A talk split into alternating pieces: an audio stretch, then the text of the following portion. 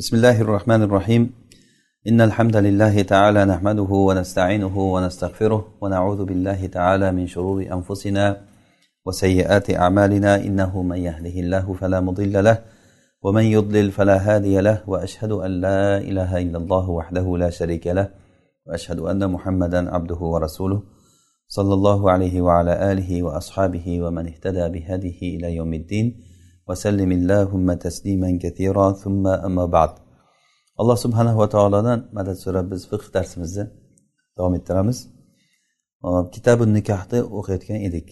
Biz o'tgan darslarimizda nikohni nimaligini o'zi tushunganimizdan keyin kimlarga uylanishlik joiz va kimlarga uylanishlik joiz emas mahram va nomahramlar nikoh buyuradigan va buyurmaydigan kishilar haqida gapirib o'tdik. Musannif rahimaulloh aytadilarki nafada nikahu hurratin mukallafatin valau min g'ayri kufin.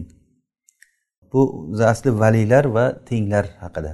Ya'ni ayol kishini turmushga berish paytida vali shartmi shart emasmi yo o'zini o'zi ayol kishi turmush qilib ketaversa bo'laveradimi balog'atga yetgan bo'lsa agar? Bu masala ixtilofli masala hozir buni aytamiz. Musannif rahimulloh aytyaptilarki nafaza nikahu hurratin mukallafa. Agar mukallaf bo'lsa mukallaf degani shar'iy buyruqlar takliflar unga tushgan ayol e, ya'ni balog'atga yetgan aqllik musulmon bo'lgan ayol ya'ni bu mukallafa deyiladi. Hur ayol bo'lsa o'shani nikohi o'tadi. Xohlasin u birovni nikohlab qo'ysin yoki o'zini o'zi nikohlasin farqi yo'q. Masalan balog'atga yetgan ayol o'zi bir er bilan kelishib masalan bir kishi bilan bo'ldi men turmushga chiqaman senga deb o'zini o'zi masalan rozichiligini aytsa o'sha nikohi nikoh bo'ladi sahiy bo'ladi deyilinadi bu mazhabda bu. O'zi aslida bu masala umuman olganda katta bir ixtilofli masala. Ayol kishiga turmush qilishlikdagi valisi shartmi yo'qmi deb. Rasululloh sollallohu alayhi vasallamdan rivoyat qilingan hadisda la nikaha illa bi bivaliyin hadisi. Ya'ni bu hadis termiziy rivoyat qilgan hadisda. Va bundan boshqa xuddi shu ma'nodagi hadislar ko'p kelgan la nikaha illa bi vali valiysiz nikoh nikoh emas deb.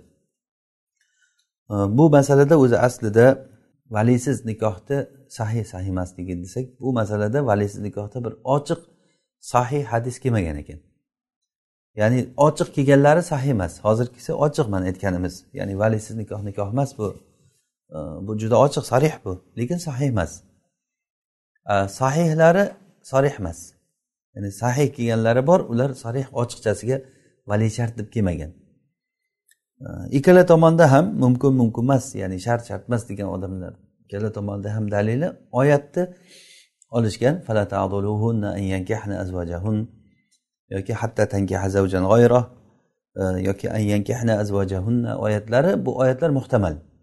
Ya'ni ikki tomonga ham o'zini tomoniga aytib dalil qilsa dalil bo'ladigan darajada. Shuning uchun ham bu masala ancha ixtilofli masala.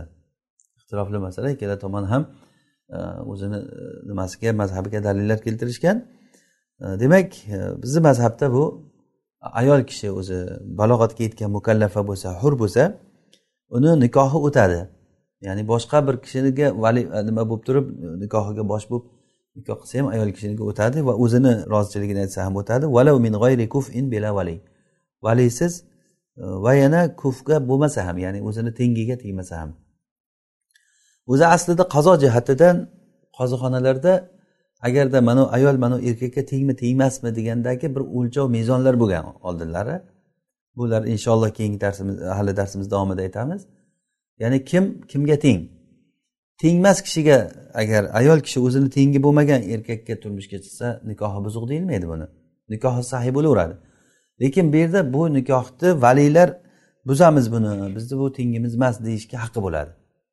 Valau min g'oyri kuf degani o'sha kufu bo'lmasdan uni tengi bo'lmasdan ham tegsa e, chunki bu ularni e, qarindoshlik nimasida ularni sharafini yerga urgan bo'ladi. Masalan aytaylik masalan o'zimizda e, o'zbek ayollarini boshqa bir millatga turmushga chiqishligi mahallada katta gap bo'ladi. Masalan bir xitoylikka erga tegib ketibdi desa masalan.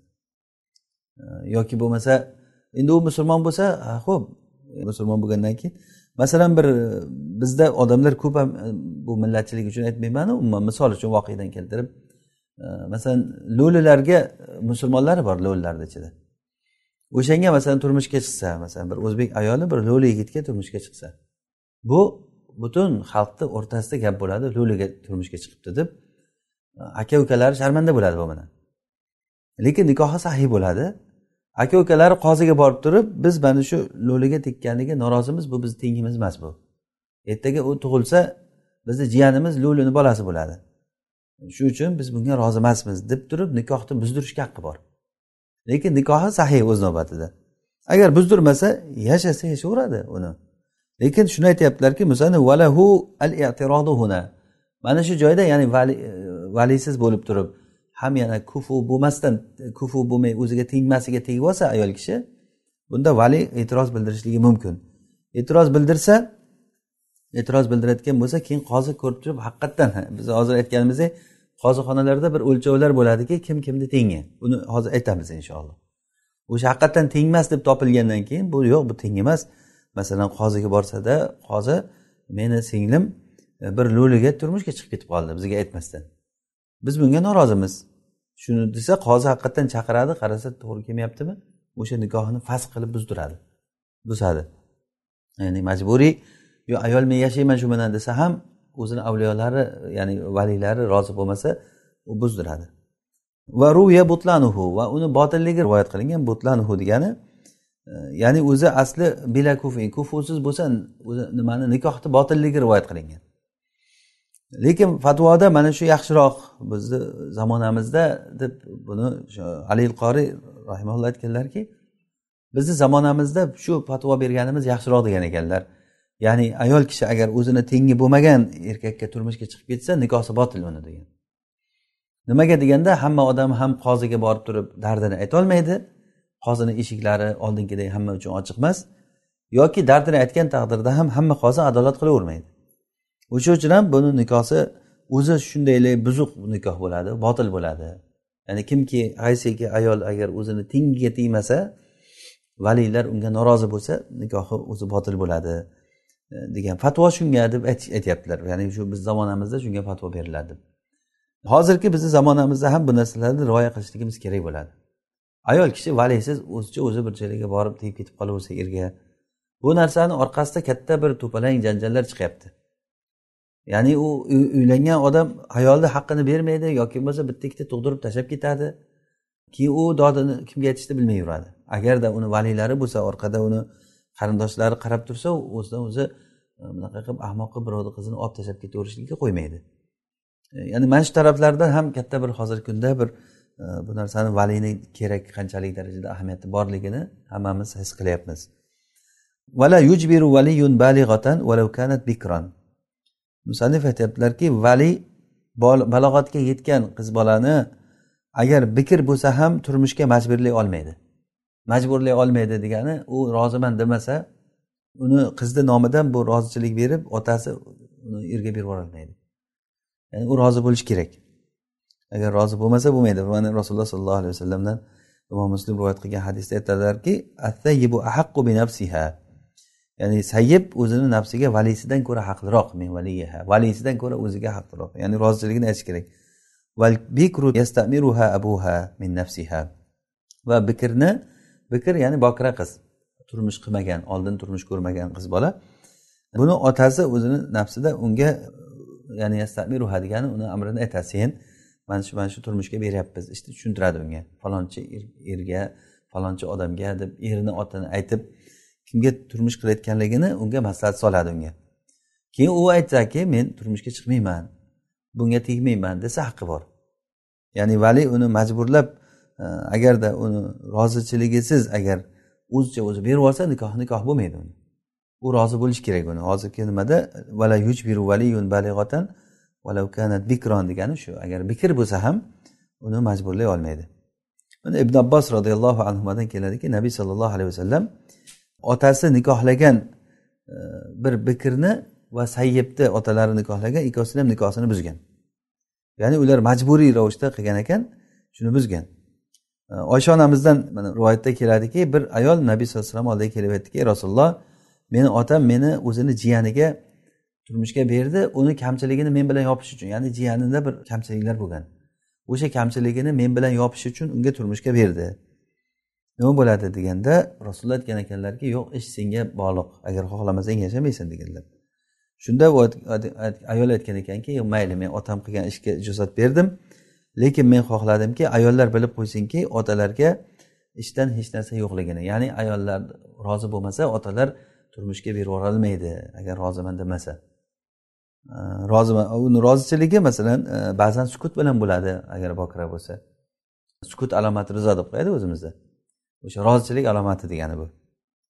Va somtuha va dahikuha va bukauha bila savtin iznun mana shuni aytyaptilar. Ayolni ya'ni bikr qizni jim o'tirishligi somti. Ya'ni sen erga bermoqchimiz mana shu falonchiga deb erni ismini aytsa ha kuyov bolani.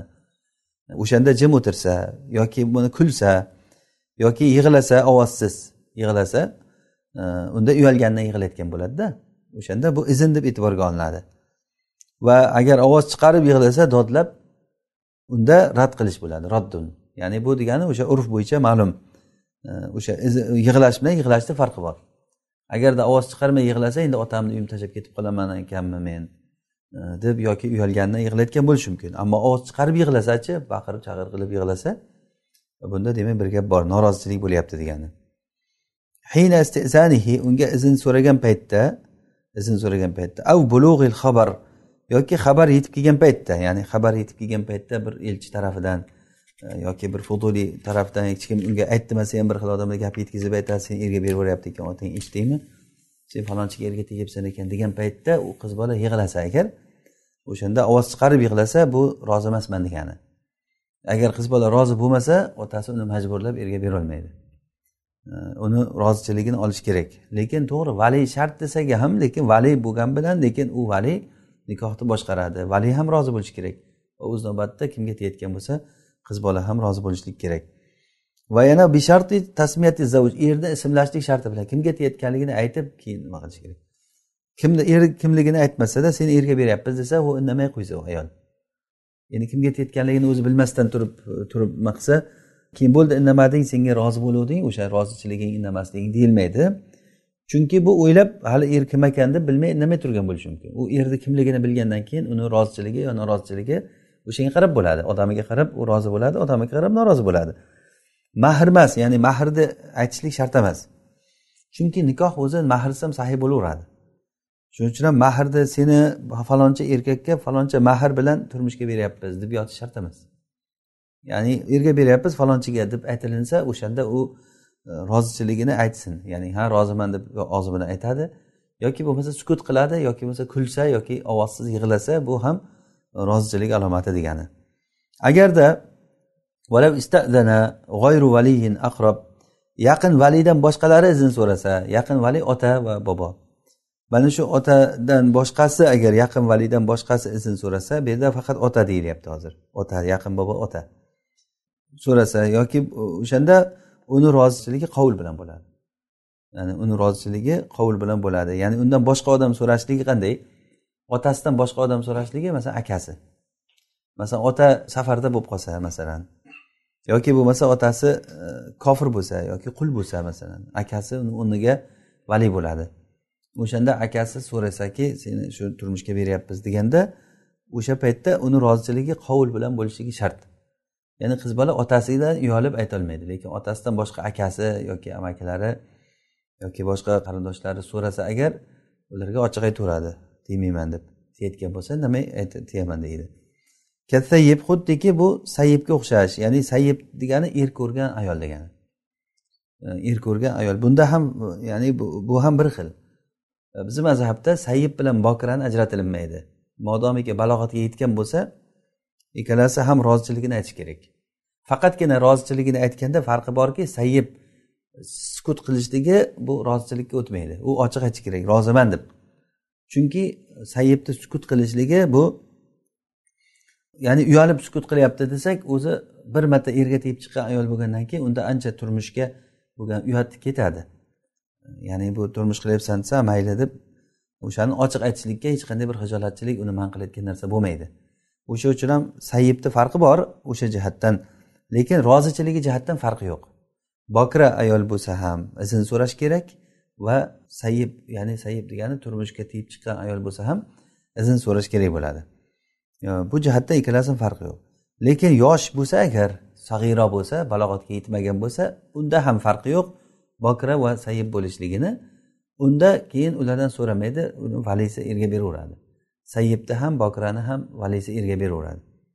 Imom shofiy rahimaulloh yoshlik kattalikka qarab ajratmasdan faqatgina sayyib va bokiralikka qarab ajratganlar.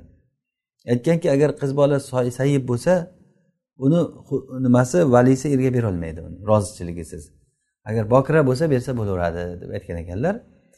Yosh bo'lsa ham hattoki masalan bir to'qqiz yashar qiz erga berilib u sayyib bo'lgan bo'lsa ham o'shanda uni iznisi kerak bo'ladi deydi. Bizni mazhabda bunda yoshi katta bo'lishlik bilan yoshi kichinani farqlaymiz.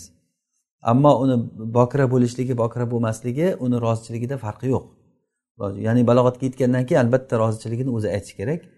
E, faqatgina aytishni kayfiyatida farq qiladi. Bokira ya'ni sukut qilsa ham aytgan hisoblanadi sayib lekin ochiq aytish kerak bo'ladi. Bu bokiraga kelgan.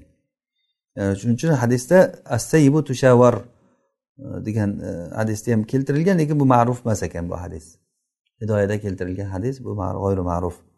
Vazailu bakaratuha bizinan va qiz bolani agar bokraligi zino bilan ketib qolgan bo'lsa masalan alloh asrasin bir zino ishini bu zino ishi degani takror takror qilingan emas. Bir marta qilingan zino bo'lgan tavba qilingan. O'sha zino bilan ketib qolgan bo'lsa yoki bo'lmasa jimosiz ketib qolgan bo'lsa masalan qiz bola sakrashligi bilan e, yoki bo'lmasa hayzi bir o'rinsiz bir kelishligi bilan yoki bir jarohat tufayli yoki bo'lmasa ko'p vaqt erga tegmay turishligidan qiz bolaligi ketib qolishligi mumkin. O'shanday bo'lib qolsa agar ya'ni ko'p ersiz turishligi bilan shuna qizligi ketib qolgan bo'lsa ham o'shanda bu kalbikr bu bikrda hisoblanadi. Chunki agarda uni haqiqatan bikr bo'lmagan bilan lekin ma'noda va hukmda e, bikr hukmida bo'ladi.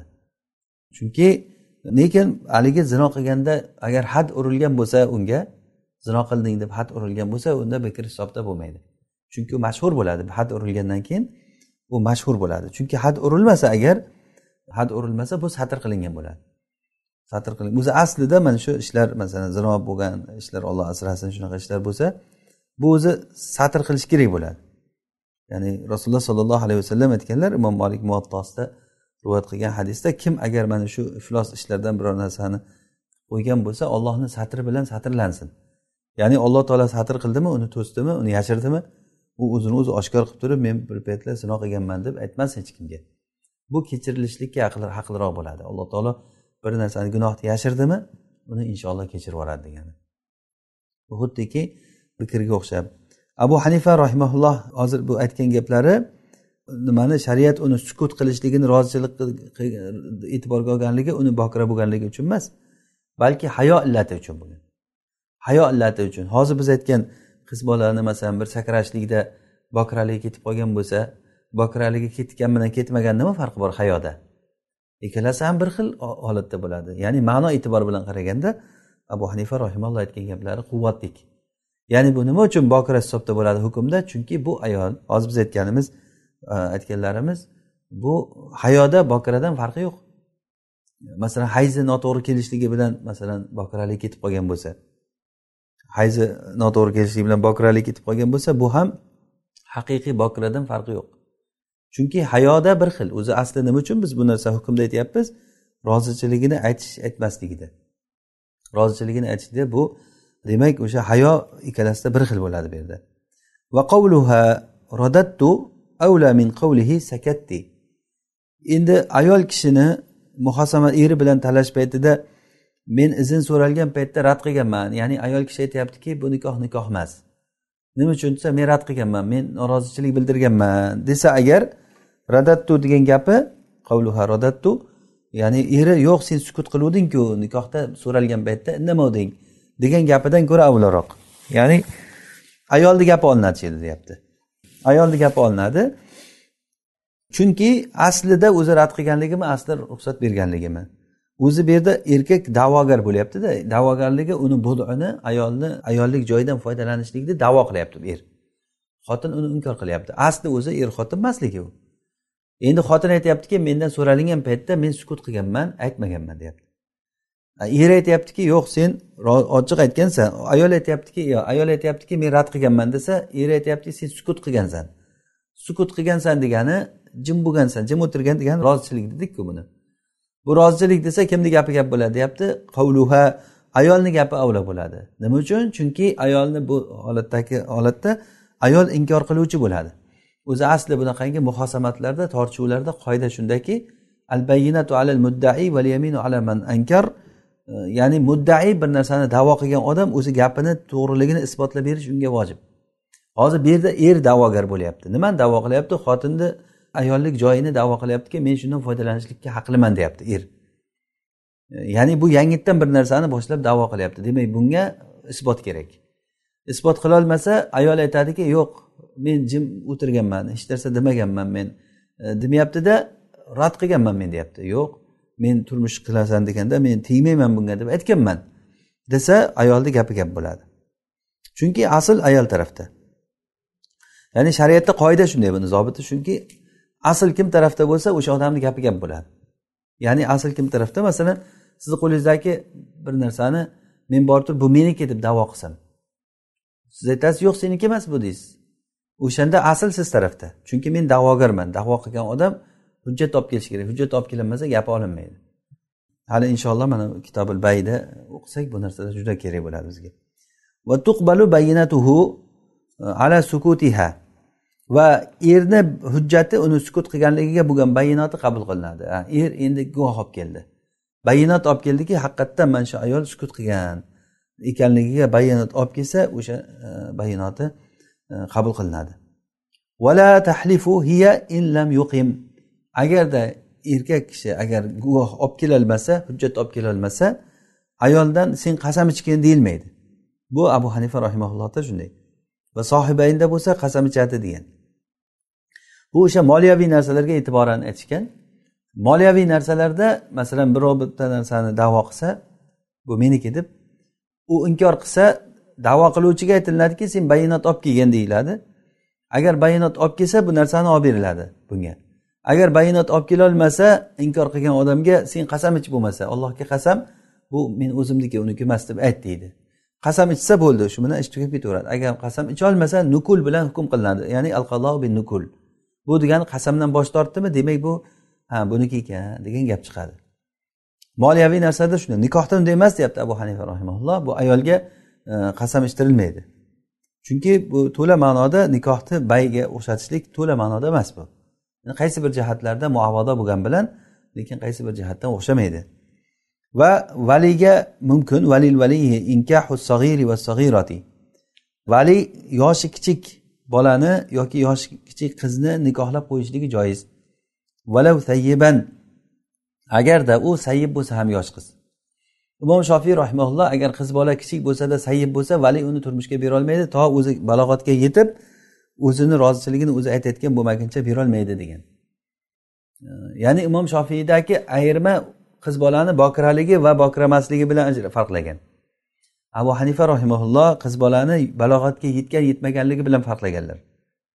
Ya'ni nima uchun? Chunki balog'atga yetgandan keyin o'zi ahlini tanib kimga turmushga chiqyapti bunga chiqsami yo'qmi uni foydasini o'zini foydasi yonini o'ylaydigan bo'ladi. Ammo yosh bola yosh qiz bo'lsa balog'atga yetmagan bo'lsa yosh qiz bo'lsa u bir erga tegib chiqqan bo'lgani bilan u hech narsani ma'nosini tushunmasligi mumkin. O'sha uchun ham buni valisi ya'ni vali deganda o'sha otasi yoki bobosi yoki undan boshqa valisi bo'ladimi e, uni turmushga berishligi mumkin. Turmushga beraveradi u masalan qiz bolani mana oysha onamiz masalan yosh paytida abu bakr roziyallohu anhu rasulullohga turmushga berganlar. Ya'ni mana bu narsa qiz bola agar kichiklik paytida ham turmush qilsa va yosh bolani uylantirib qo'yishmasa ikkita beshikdagi o'g'il qizni bir biriga nikohlab qo'yilsa sen rozichilik rozimisan rozimisan deb emas bu valiylari nikohlaydi. O'g'il bolani otasi aytadiki mana shu qizingni deydi meni o'g'limga bergin deydi. U bo'ldi berdim desa u valiysi buni valiysi bo'ldi men qabul qildim oldim desa shu bilan nikoh bo'lib qoladi. Bu ikkovsi er xotin bo'lib qoladi. Toki balog'atga yetguncha balog'atga yetgandan keyin keyin ularga ixtiyor beriladiki shu yashaysanmi yashamaysanmi deb. Yashaydigan bo'lsa o'zlari ixtiyor qilsa hayotini yashab ketaveradi. Agar hayotini ixtiyor qilmasa unda otadan ota agar nikohlab qo'ygan bo'lsa unda ixtiyor yo'q. Agar otadan boshqasi nikohlab qo'ygan bo'lsa bunda ixtiyor beriladi. Inshaalloh buni hozir aytamiz. Demak hozir muhimi biz bildikki e, yosh qizni yoki yosh bolani valisi nikohlab qo'ysa bo'laveradi. Buni hech qanday so'rab ham o'tirmay o'zidan. Chunki so'rash foydasi yo'q. Chunki u rozichiligini aytish aytmasligi uni ahamiyati yo'q uni. Chunki yosh bola o'zini hayotini o'zi hal qilolmaydi kerak bo'lsa eng qimmatbaho narsalarni ham bitta halvoga bitta narsaga bitta o'yinchoqqa almashtirib yuborishi ham mumkin yosh bola. Summa inzavajahuma keyin agarda ularni turmushga bersa yosh bolani uylantirsa yoki qiz bolani erga bersa valisi al abu abil jaddu ota bilan bobosi agar shu ishni qilsa lazima bay lozim bo'ladi uni qaytolmaydi hech kim. Chunki ular ota bilan bobo ya'ni yuzga yuz bolani foydasini o'ylaydi. Hech qachon ota o'zini bolasini bir baxtsiz bo'lishligini xohlamaydi. Balki yoshlar o'zini baxtini masalan xohlagan holatda ham adashishi mumkin lekin ota adashishligi qiyin lekin bu narsada. Shuning uchun ham turmushga chiqayotgan odamlar o'zini ota onasiga topshirib qo'yishligi o'zini foydasi bunday o'ylaganda. Yoshlar uni tushunmagandan keyin qay joydagi bittasini topib shunga erga deb turib oladi uni butun qavmi qarindoshlar qarshi bo'ladi. Ota onasi qarshi bo'ladi. Bu bu bo'lmaydi senga. Bu bo'lmaydi. Yo'q illo billo mana shunga tegaman deb turib oladi keyin ozroq yashagandan keyin ko'zi yirqitib ochiladi keyin. Keyin kelib o'tiradi keyin ota onasini oldiga. Ha sizlarni gaplaring to'g'ri ekan deb. O'sha uchun o'zi aslida bunday voqeani qaraganimizda ham ota bolaga judayam qattiq e, ya'ni rahmlik alloh taolo shunday qilib yaratgan. Ota bolani foydasini o'ylaydi. O'sha uchun ham abu hanifa rahimalloh aytgan ekanlarki bobo bilan ota agarda yosh bolasini uylantirib qo'ysa u bekordan bekorga uylantirmaydi bir manfaatni o'ylab qiladi. Shu bolani manfaatini o'ylab qiladi. Shuning uchun ham bolada ixtiyor yo'q bo'ldi shunday yashayver e o'g'il bolada ixtiyor bor yo'q balog'at ketgandan keyin yashash xohlamasa antitoliq deydi bo'ldi ketdi qutuladi. Sen taloqsan taloq berib yuboradi agar qiz bolada bo'lsa ixtiyor yo'q. Ya'ni qiz bola balog'atga yetgandan keyin agar otasi turmushga bergan bo'lsa majbur o'sha erkak bilan yashaydi. Modomiki shar'iy bir mavoniyalar shar'iy uzrlar topilmasa agar yashamaslikka shar'iy uzr topilsa unda qoziga shikoyat qilib nikohini buzdirib tashlashligi mumkin. Bunda ham majburlab hech bir odam bir ayolni majburan qulday qilib urib olib kelib endi mana shu yerda chirib yo'qib ketguncha menikida yurasan deb yashatolmaydi agar yashashni xohlamasa bu bu ayol yo'q men senga yashashni xohlamayman desa qoziga shikoyat qilsa qozi ishini ko'rib chiqadi. Shar'iy bir haqiqatdan shu yashamaslikka loyiq bir sabab deb topilsa qozi aytadi talog'ini bergin deydi eriga aytadi. Er taloqni bermayman desa qozini o'zi fasq qilib yuboradi. Masalan er xotiniga nafaqa bermasa. Hozir xuddi shunday xotinlarga nafaqa bermaydi xotin o'zini kunni ko'rishi kerak. Borib mardikorchilik qiladimi boshqa qiladimi ko'chalarda ishlab hatto bola chaqasini ham xotin boqadi. Bu erga aytdiki yalamayorim u yoqda bu yoqda yuraveradi. Bola chaqaga ham qaramaydi. Taloq ber desa talog'ini ham bermaydi. Yani mana shunday holat bo'lib qolsa agar xotin qoziga borib shikoyat qilsa qozi uni ko'rib chiqqandan keyin nafaqaga majburlaydi. Agar nafaqa bermayman deb turib olsa nikohni buzishlikka haqqi bor qozini va to'shak haqqi ham xuddi shunday. Masalan er xotinchilik qilmay umuman xotiniga qaramaydi. Yillab xotiniga qo'shilmaydigan odamlar bo'ladi. O'shalarni ham qozi chaqirib turib bu ishingni qilmagin bu zulm bu. Ayol kishiga zulm deydi agar itoat qilsa qildi qilmasa hozir o'zi nikohini fas qilib yuboraveradi hali inshaalloh ular haqida biz gapiramiz. Ho'p musannif rahimalloh aytdilarki va fi g'oyrihima ota onadan ota bobodan boshqasida otasi bilan bobosidan boshqasi agar nikohlab qo'ygan bo'lsa hina balag'o o'sha yosh bolalar o'g'il bo'ladimi qiz bo'ladimi balog'atga yetgan paytda agar xohlashsa buni buzadi. Yani nikohni buzadi. Alima bin nikahi ba'dahu. Ya'ni mana shu balog'atga yetgandan keyin nikohni bilgandan keyin yoki bo'lmasa o'sha nikohni bilsa balog'atga yetgandan keyin nikohni bilsalar o'sha bilgan paytda yo'q men bu nikohga men rozi emasman men buni buzaman deyishligi mumkin. Ya'ni bu qachon bo'ladi? Vali ota bobodan boshqasi agar uni nikohlab qo'ygan bo'lsa. Va sukutul bikri ridon huna. Bikrni sukut qilishligi ya'ni agarda balog'atga yetgan paytda nikohni bilgan paytda jim o'tirishligi e, rozichilik deyiladi. Xuddiki haligi nikoh paytida sen rozimisan deganda jim o'tirsa rozi rozi ekan deb aytdiku. O'shanday balog'atga yetgandan keyin ham seni e, otang yerga bergan edi desa hozir seni ering bor desa unga u indamay o'tirsa bu degani rozichilik degani. Ya'ni huna degani mana shu masalada ham xuddi yuqoridagidek gap. E, ya'ni nikohni balog'atga yetgandan keyin bilib ya'ni sukut qilishligi bu nima deyiladi? E, rizo. Sukut alomati rizo. Ya'ni sukut qilishlik e, rozichilik alomati degani. Vala yamtaddu xiyaruha va uni ixtiyori ya'ni bokirani nikohni buzish ixtiyori oxirgi majlisgacha cho'zilib o'tirmaydi. E, balki bu o'sha sukutni o'zi bilan botil bo'lib ketadi. Ya'ni o'sha paytda birdan aytish kerak. O'sha paytda birdan aytish kerak. Ya'ni bu ko'p narsalarda shariatda majlis e'tiborga olinadi. Majlis degani masalan bayda ham majlis e'tiborga olinadi. Xiyorul majlis deb qo'yiladi buni. Xiyori majlis bunda ham xiyori majlis bormi yo'qmi deganda yo'q unda e'tiborga olinmaydi. Ya'ni o'sha xabar kelgan paytda birdan aytish kerakki yo'q men roziman yo rozi emasman? deb. Yoki rozi emasman demasa sukut qilib o'tirsa bo'ldi ixtiyor ketdi degani undan. Va injahilat bihi ya'ni agar o'sha ixtiyorni bilmasa ham buni bilmasligi jahli uzrga o'tmayapti chunki u islom diyorida yashab uni ixtiyori borligini bilmasligi bu ta'lim olmasdan bilmasligi o'zini o'zi ziyoni bu. Aslida bilish kerak bilmadim degan gapni ishonmaydi.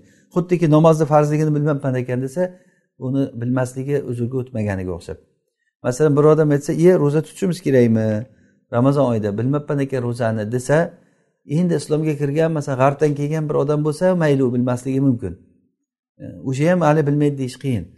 Lekin mana masalan musulmon diyorida yashagan odam ramazonda ro'za tutish kerakligini yoshligidan ko'rgan ota bobolar tutyapti shuncha odam tutyapti iftorlar bo'lyapti ramazon ramazon ramazon o'tyapti. Endi bu odam bilmayman desa buni gapi ishonilinmaydi bunga. O'shanday bu ham islom diyorida yashagandan keyin e, bu narsalar o'zini davrida mashhur va ma'lum bo'ladi. Lekin hozirgi kunda unday emas.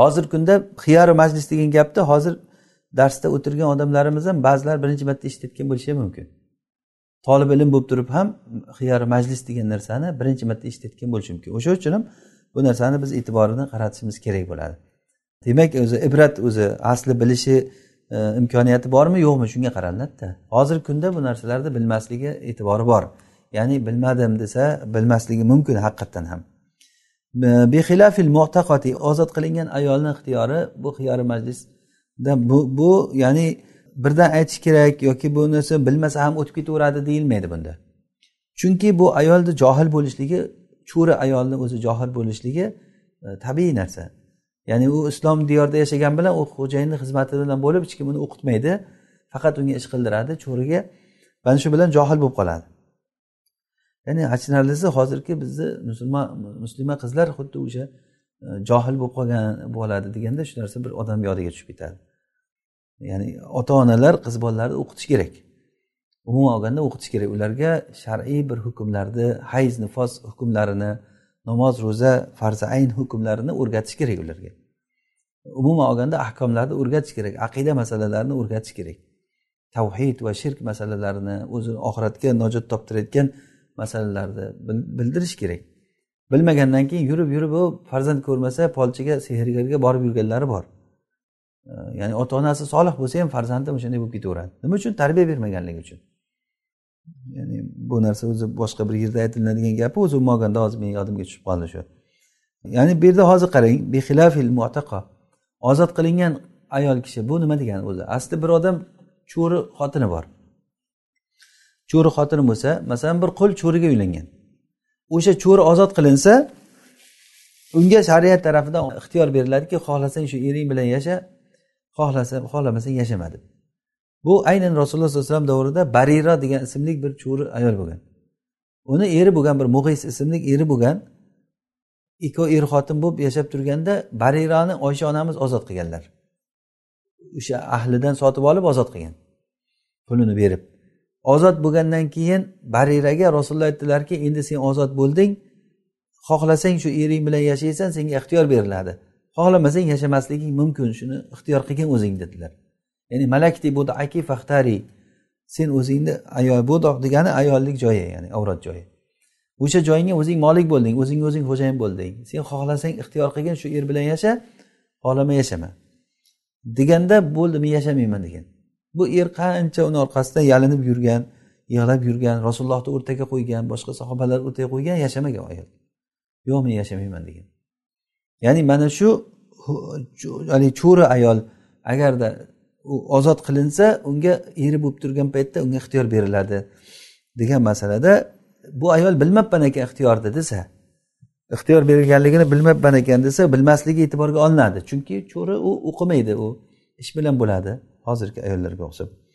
Va xiyarul g'ulam g'ulamni o'g'il bolani ixtiyori ya'ni balog'atga yetgandan keyin kichik bola balog'atga yetsa g'ulam uni ixtiyori va sayyib va sayyib qiz bola ya'ni bu er, erga tegib chiqqan qiz ya'ni erga tegsa erga berib yuborsa valisi sayyibni balog'atga yetgan paytdagi ixtiyori la yabtulu bila ridon sarih ochiq rozichiliksiz ya'ni ochiq rozichiliksiz bu botil bo'lmaydi.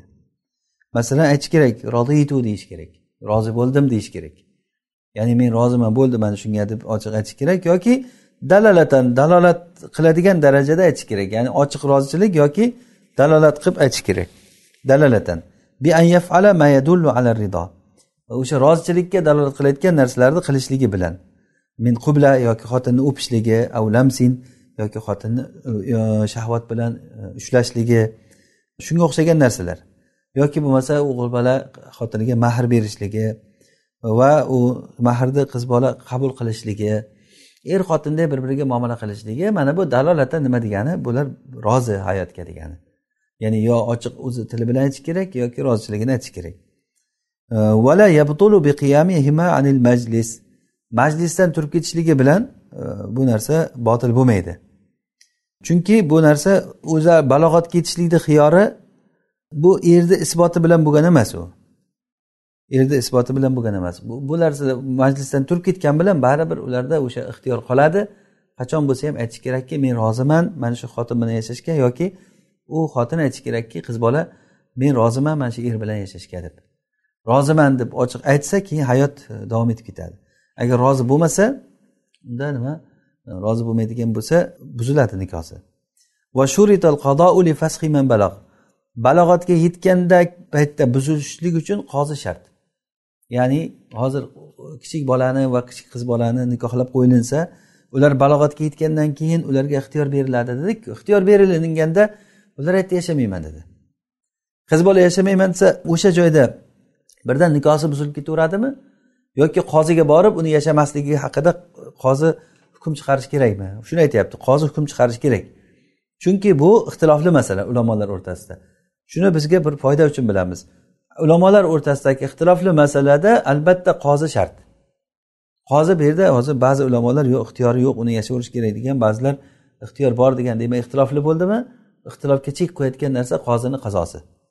Qozi hukm chiqarib turib unga buzadiki mana shu narsa mumkin emas bo'ldi buzildi deb.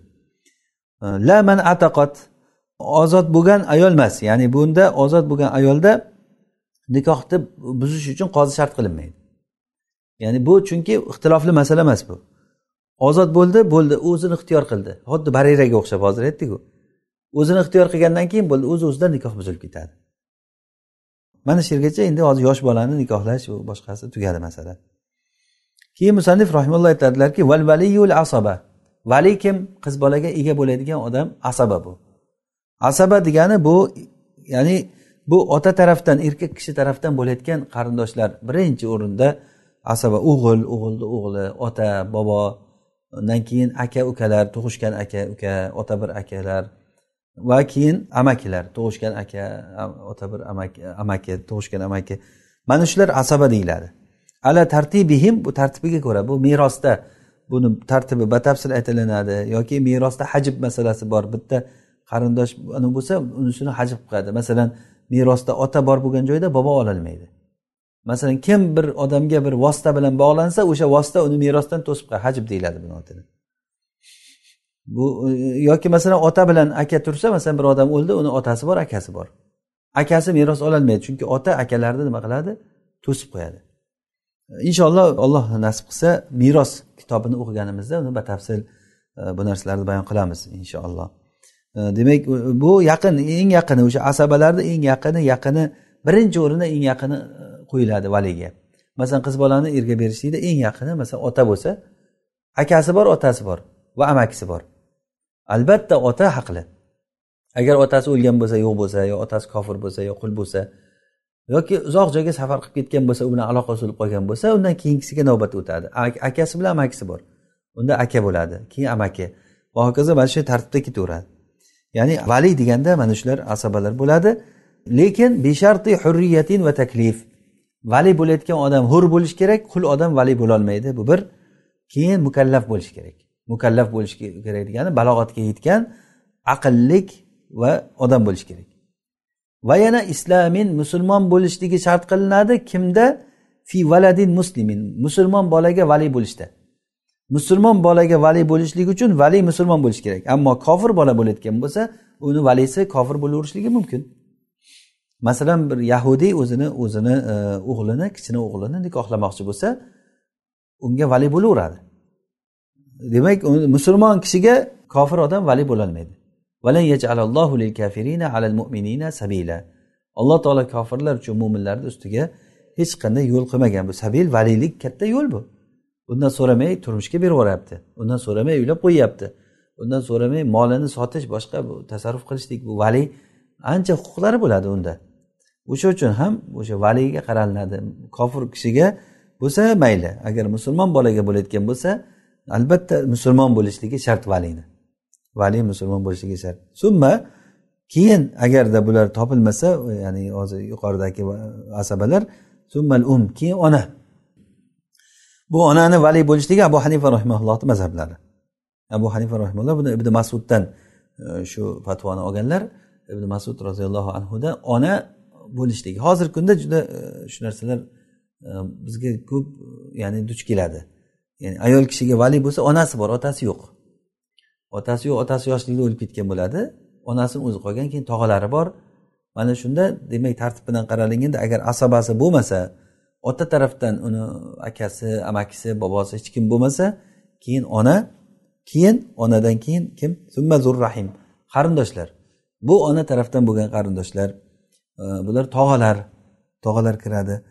Onani e, aka ukalari al aqrobu fal aqrob yaqin yaqinga qarab ketaveradi. Eng birinchisi eng yaqinrog'i undan keyingisi undan keyinrog'i mana shu tartib bilan ketaveradi. Masalan ona tug'ishgan tog'a bilan ota bir ona bir tog'ani farqi bor masalan. O'shanday o'sha eng yaqin yaqini birinchi o'ringa qo'yilib ketaveradi. Ya'ni bu narsalar hammasi aylanib kelib turib nimaga qurilgan? Bolani foydasini o'ylashga qurilgan. Bolani foydasini kim ko'proq o'ylaydi? Eng yaqin qarindoshi ko'proq o'ylaydi. O'shani haqqi bu. Summa mavlal muvalati keyin e, mavlal muvalat ya'ni qulligidan ozod qilishdan paydo bo'lgan mavlosi. Ya'ni bu deganiki masalan bir odam hozir barirani misol qildik. Barironi oysha onamiz ozod qildilar. Oysha onamiz ozod qildimi? Oysha onamiz bariraga nisbatan mavlo bo'lib qoladi. Endi barirani turmush qurish kerak bo'lib qolsa uni ota tomonidan hech kim bo'lmasa onasi ham bo'lmasa zavir rohim qarindoshlari ham bo'lmasa unda oysha onamiz unga haqli bo'ladi. Ya'ni chunki u kishi mavlo. Mavlo bo'lgandan keyin mavlal muvallat degani o'sha nimasi? Bu muvallatdan paydo bo'lgan mavlosi bo'ladi. Yoki bo'lmasa bu muvallatni yana bir tushunchasi borki mavlal muvallatni madinaga ansorlar borgandan keyin rasululloh sollallohu alayhi vasallam muhojir bilan ansorni bir biriga do'st qilib qo'ygan muahhod qilib. Ana o'shanda ham muolat bo'lgan. Bunda ham o'sha mavla bo'lgan falonchi falonchi mavlasi deyilgan. E, bular lekin meros oyatlari tushishligi bilan u e, nasx bo'lgan? Meros oyatlari tushishligi bilan u mansux bo'lgan. Vallohu alam. Summa qodin fi manshurihi zalik. Keyin qozi fi manshurihi degani manshur e, ya'ni sulton viloyat bilan unga yozib bergan maktubdagi qozi. Ya'ni shu maktubda qozi kimga e, sultonni yozgan bo'lsa o'sha mahallaga sulton tayinlaydi. Falonchi qozi shu mahallaga shu odam qilish kerak. Falonchi joyga shu odam shuncha joyga u sulton tayinlab beradi hammasini ana o'sha o'zini haligi bunday aytgan territoriyasida deymizku o'zini mintaqasida o'zini hududida. O'sha o'zini joyidagi nimani mana shu narsa ya'ni yosh bolani nikohlashlik sultonga o'sha qoziga aynan bizot o'sha qoziga mumkin o'shanga e, rasululloh sollallohu alayhi vasallam aytganlar as sultonu valiyu malla sultona lahu. E, malla valiya lahu. As sultonu valiyu malla valiya lahu. Sulton valisi yo'q kishini valisidir. Ya'ni bu o'zi asli bu yerda e, ixtirofli masala. Sulton yoshli turmushga chiqib berib yuborishligi mumkin emas. Nima kerak bor yosh bolani turmushga berishlikda? Uni foydasi bor deb o'ylanilsa ya'ni bu juda qiyin narsa. Ya'ni sulton uni har bitta xonadonga kirib kichkina bolachani seni foydang bor mana bu turmushga berib yuboramiz deb berib yuboraverishga sultonni vaqti ham bo'lmaydi u bolani foydasini ham bor deyish qiyin narsa. Endi ota bo'lsa o'zini qarindoshlari bo'lsa u xos bir foydalar bo'ladi ular biladi. Lekin sultonniki juda qiyin narsada bu. Allohu alam har qalay bu narsa ixtilofli masala. Ya'ni sulton yosh bolani turmushga berolmaydi degan fikrlar ham bor. Yaqin qarindosh yo'q bo'lgan paytda uzoq qarindosh uzoq vali e, e, turmushga bersa bo'laveradi. Masalan e, bir kishi ota hajga ketgan. Hajga ketdi. Oldinlari hajga ketganda bilasizlar uzoq vaqtlab ketgan. Yo'l yurib bir necha oylab yo'qib ketgan masalan hajga. O'shanday paytda bu qiziga sovchi keldi. U sovchi juda munosib joydan shunga bergisi kelyapti bularni beray desa otadan ruxsat olishlar oldilar telefon ham bo'lmagan maktub bo'lmaydi. Uni hajdan kelishini kerak bo'lsa bir yillab kutish kerak. A u sovchi aytyaptiki yo'q men bir yil kutolmayman bersalaring hozir bersalaring olardim. Shunda u uzoq yaqin valiyni kutib o'tirmasdan uzoqroq valiysi masalan ota ketgan aka qolgan. Shu akalar otanidan rozichiligisiz ya'ni akalar valiy bo'lib turib buni turmushga berib yuborsa bo'ladi. Chunki bu qiz bolani foydasi ichida manfaati o'ylanilyapti. Bu narsalar hammasi kichik bo'lsin katta bo'lsin o'sha turmush qilayotgan odamni manfaatiga qurilingan o'shani foydasini o'ylab gapiriladi hammasi. Ya'ni aytilyaptiki agarda o'sha xotib degani sovchi bo'lib kelgan sovchi bo'lib kelgan kufu haligi teng e, unga qiz bolaga teng deb topilingan tengi haligi o'zimizda ham tengi chiqsa deyiladiku. Aynan o'sha tengi chiqsa degani kufu degani bu. O'sha tengi sovchi bo'lib kelgan tengi uni xabarini nimani valini xabarini kutib o'tirmasa yo'q men bir yilgacha kutmayman desa unda uzoq qarindoshi shu vali bo'lib erga berib bo'ladi. Va indal badi adna. Ya'ni ba'zilarda bo'lsa ba'zi mutaxirlarda bir bu adnasi ya'ni muddat nimasini safarni muddati eng e, nimasi kami uch kun e, deb belgilaganlar. Ya'ni buni bir belgilash nimasi vallohu alam e, bir munzabit bir narsa emas. Muhimi shu bolani manfaati o'tib ketib qolmasin. Shuni o'ylash kerak. Muhimi shu bolani manfaati o'tib ketib qolmasligi kerak mana shu narsani bilish kerak bo'ladi. Keyin musannif rahimaulloh nikohdagi kufu tenglik haqida gapiradilar. Nikohda kim kimga teng? Bu biz dars boshimizda ham aytgandikku qozixonalarda bu narsa juda belgili bo'ladi. Chunki odamlar o'rtasida chek qo'yish uchun janjal to'polonlarga kimni kimga teng bo'ladi uni bilish kerak bo'ladi. Masalan bir qiz bola o'zini tengiga tegsa valini haqqi yo'q dedik buzishga. Agarda tengiga tegmasa valini haqqi bor buzishga. Endi u kimni teng deymiz shuni bilish kerak. Aytyaptilarki e, nikohda kafoat ya'ni bu tenglik e'tiborga olinadi. Ya'ni nikohda buni tengi bu buni tengi degan narsa bor. O'zi aslida degan hamma odam odam alayhissalom bolasi bular. E, ya'ni kullukum min adam va adamu min turob hammalaring odamdan odam alayhissalomdan paydo bo'ldilaring ko'paydilaring odam alayhissalom tuproqdan bo'lgan.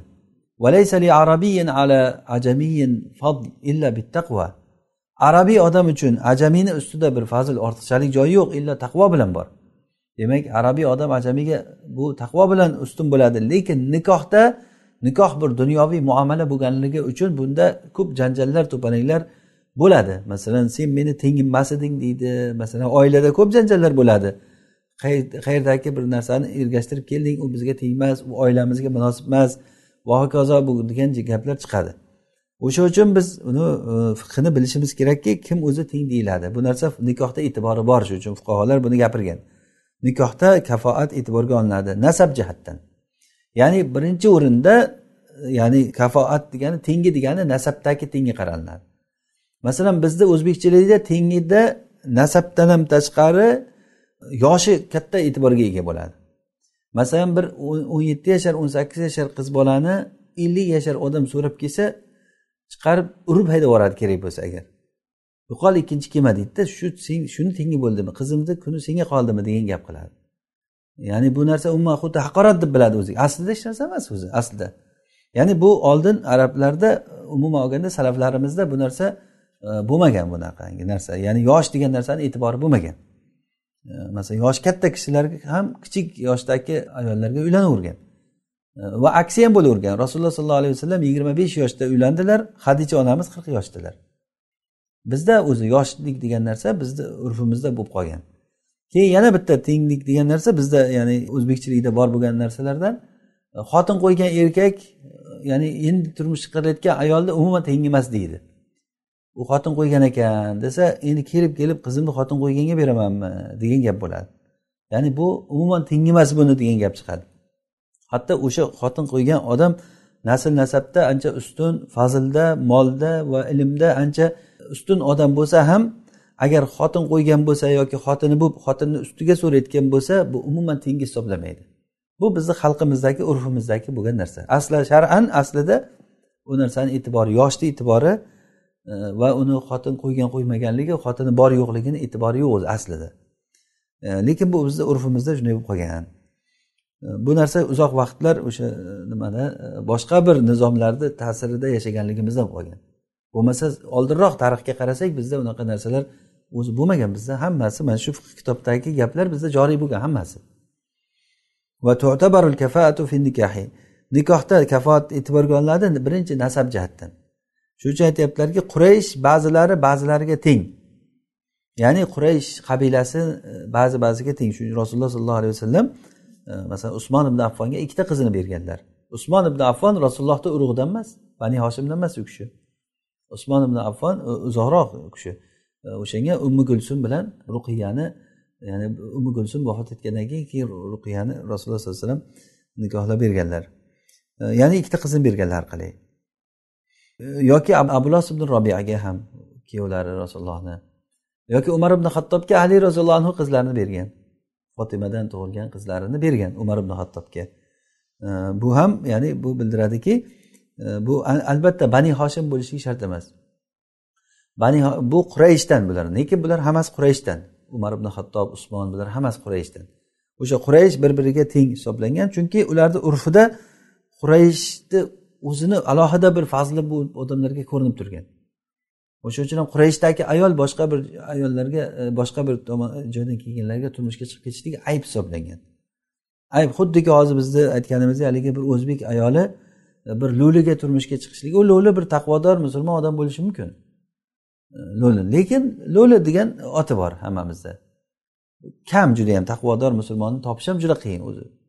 Baribir o'sha lo'lini erkagi deydiku o'shanaqangi odam bo'ladi bo'lsa ham topsa ham. Endi o'shanga turmushda musulmon bo'lsa o'shanga erga tegsa masalan u e, masxara bo'ladi ko'pchilik ichida. Lo'liga tegibdi jo'giga erga tegibdi deb masxara bo'ladi. O'shanday qurayishni o'zini bir alohida bir nima fazli bo'lgan boshqalardan. Buni e'tiborga olgan fuqarolar mahkamalarda shu narsa e'tiborga olingan. Quraysh qurayshga teng. Endi masalan bir qurashiyni qizi boshqa odamga erga tegib ketib qolsa u shikoyat qilsa qozi quraysh emas odamga tekkanligi uchun nikohini fasd qilishlikka haqqi bo'ladida. Shuning uchun aytilyapti bu yerda. Bu odamni kamsitish uchun emas bu. U xohlang xohlamang odamlarni urfida mana shunday taqsimotlar o'zi yashashdan kelib chiqib qolgan o'zi. Yashashdan kelib o'shani e'tiborga olishda bu odamlarni foydasi bor.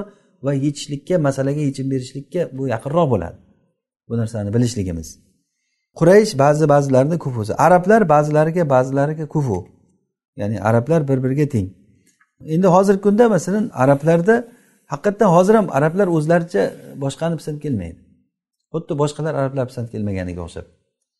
Arabga uylanibdi degan gap bo'ladi masalan. Unda arabga tegib ketibdi deydi. Ya'ni bu har bir urfda har bir joyda o'ziga yarasha bir e, nimasi o'shani tengi yoki teng emas degan bir tushunchalar borda. O'shani e'tibor qilishligimiz kerak. Ajamlarda bo'lsa tenglik birinchidan islom jihatdan tenglik qaraladi islom jihatdan ya'ni musulmonchiligi. Masalan ikkita ota onasi musulmon bo'lsa fadu abavayni fil islam kufun lizi abain fihi. Islomda bir qancha otalari islomda bo'lib kelganga teng.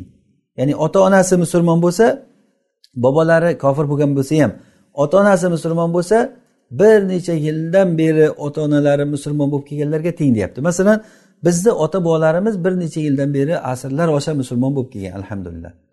Endi ba'zi bir odamlar bor yaqinda islomga kirgan ota onasi ota uni bobolari kofir. E, ana shu odam bilan bir necha yildan beri ota bobolari musulmon bo'lib kelgan odam bir biriga teng deyapti. Vazu abin va bitta otasi musulmon bo'lgan kishi kufun lahuma u ikkovsiga ham teng bo'laveradi. Ya'ni ota onasi musulmon bo'lgan abavahu degani ota onasi musulmon bo'lgan kishilarga teng. Bitta otasi musulmon bo'lgan bo'lsa ham bo'laveradi. Vala muslima binafsihi lahu. Va o'zi musulmon bo'lgan odam otasi musulmon bo'lgan odamga teng emas. Masalan bir odam o'zi musulmon bo'ldi otasi kofir. Endi ayolni uylanmoqchi bo'lgan ayolni otasi musulmon ota onasi musulmon. O'shanga tengmas deyapti. Ya'ni ota onasi musulmonligi uni bir bir pog'ona o'sha kufuda uni yuqoriligini beradi. Va yana ikkinchi hurriyatan hurriyat jihatdan qaralinadi hurriyat jihatdan birinchisi islom jihatdan qaralindi tenglik ikkinchi hurriyat jihatdan qaraladi. U xuddi islomdek gap. Ya'ni ota onasi hur bo'lib kelganmi uzoqdan hur bo'lib kelganmi yoki qullardanmi u qul bo'lib keyin ozod bo'lganmi? Masalan o'zi qullikdan endi ozod bo'lgan odam ota bobolari qul bo'lib kelib ozod bo'lgan odam bu ota bobosi qul bo'lgan ozod bo'lgan keyin bu ozodlikda tug'ilgan odamdan farqi bor degani. O'shanday ketaveradi bu tartibda. Va diyanatan yana bir farqi diyonat jihatdan ham qaralinadi masalan e, taqvodor odam taqvosiz odamga fisq ishlarni qilib yuradigan odamga teng bo'lmaydi. Ya'ni demak birinchi o'rinda e, islom jihatdan qaralindi keyin hurriyat jihatdan qaralindi keyin e, taqvo jihatdan diyonat jihatdan qaralinyapti. Ya'ni falaysa fasiqun kufan li binti solihin. Fosiq kishi solih odamni qiziga teng emas solih fosiq odam e, solih kishini qiziga teng bo'lmaydi. Endi bu teng bo'lmaydigan nikohi fosil bo'ldi buzuq degani emas bu masalan tegib ketsa nikoh sahih yashayveradi bu yerda agar mahkamaga kelib hozir xonaga agar masala ko'tarilsa qozi ko'rib chiqib buni tengmas deb chiqaradida nikohini buzishlikka haqqi bor valiylarni valiylar agar talab qilsa. Va yana bir tomondan mol jihatdan qaralinadi tenglik. Mol jihatdan qaralinadi masalan nimani berolmayotgan mahrni berolmayotgan umuman sarf xarajati yo'q bo'lgan odam boy ayolga uylanishlik uylansa agar mayli rozi bo'l. Lekin o'shanda bir haligi boy ayolni valiylari aytsaki bizni qizimiz mana kambag'alga tegyapti bizga rozi tegmas u. desa ya'ni bu kambag'alni kamsitish emas bu. Endi xohlang xohlamang odamlar o'rtasida bu narsada bir haqirlanishlik o'zini bir kamsitish nimasini sezganligi uchun o'shanda qozini haqqi bo'ladiki nikohda fasq qilishlikka degan gap bu. Mahri muajjaldan va nafaqadan ojiz bo'lgan kishi faqir ayolga tengmas ya'ni hatto faqirga boygaku umuman erta kunda e, teng bo'lmaydi. Ya'ni demak ayol kishini o'zi boyligi e, kambag'alligidan ko'ra ko'proq boylik kambag'allik erkak kishiga qaraladi. Chunki nafaqani kim beradi? Erkak beradi. Mana bu tomonga qarash kerak. Va ikkosiga ham qodir bo'lgan kishi ya'ni ikkosiga ham degani mahr muajjal ya'ni e, naq mahrni nikohdan oldin berishlik va keyin nafaqa berishlik to'ydan keyin. Nafaqa mana shu ikkovsini ham mahr berolsa ham nafaqani berolsa bu boy ayolga teng degani. Ya'ni bu kambag'al odam degani demak nimani tushunamizki nafaqa ham berolmaydi kambag'al degani va mahr ham berolmaydi. Mana buni kambag'al deyiladi. Ammo o'zi uni nafaqasini berayotgan bo'lsa boy boricha holicha qilib nafaqasini berayotgan bo'lsa va yana mahrini bergan bo'lsa bu demak boyga teng degani. Va yana bir tarafi hirfat jihatdan kasb hunar jihatdan ham tenglik qaralinadi kasb hunar jihatdan qaralinadi masalan to'quvchi haikun av hajjamun av kannas av dabbaq laysa kufan li attarin va nahvihi to'quvchilik qilayotgan odam yoki hajjom hijomachi qon oladigan odam yoki ko'cha supuradigan odam yoki teri oshlaydigan odam attor va shunga o'xshagan masalan zargar mana shularga nima tengmas masalan teri oshlaydigan odam bir zargarni qiziga uylansa u zargarni qizi bu yerga o'rganmagan bo'ladi. Uni teri oshlaydigan uyga kelsa hamma joy hid va terini hidlari chiqadi mahalla o'zi hidlanib ketadi. U chidolmasligi mumkin yashayolmasligi mumkin va yana o'shanga tekkan bo'lsa bu qizni valiylari bizni qizimiz tengiga tegmadi biz bunga norozimiz desa qozini haqqi bor ajratishlikka.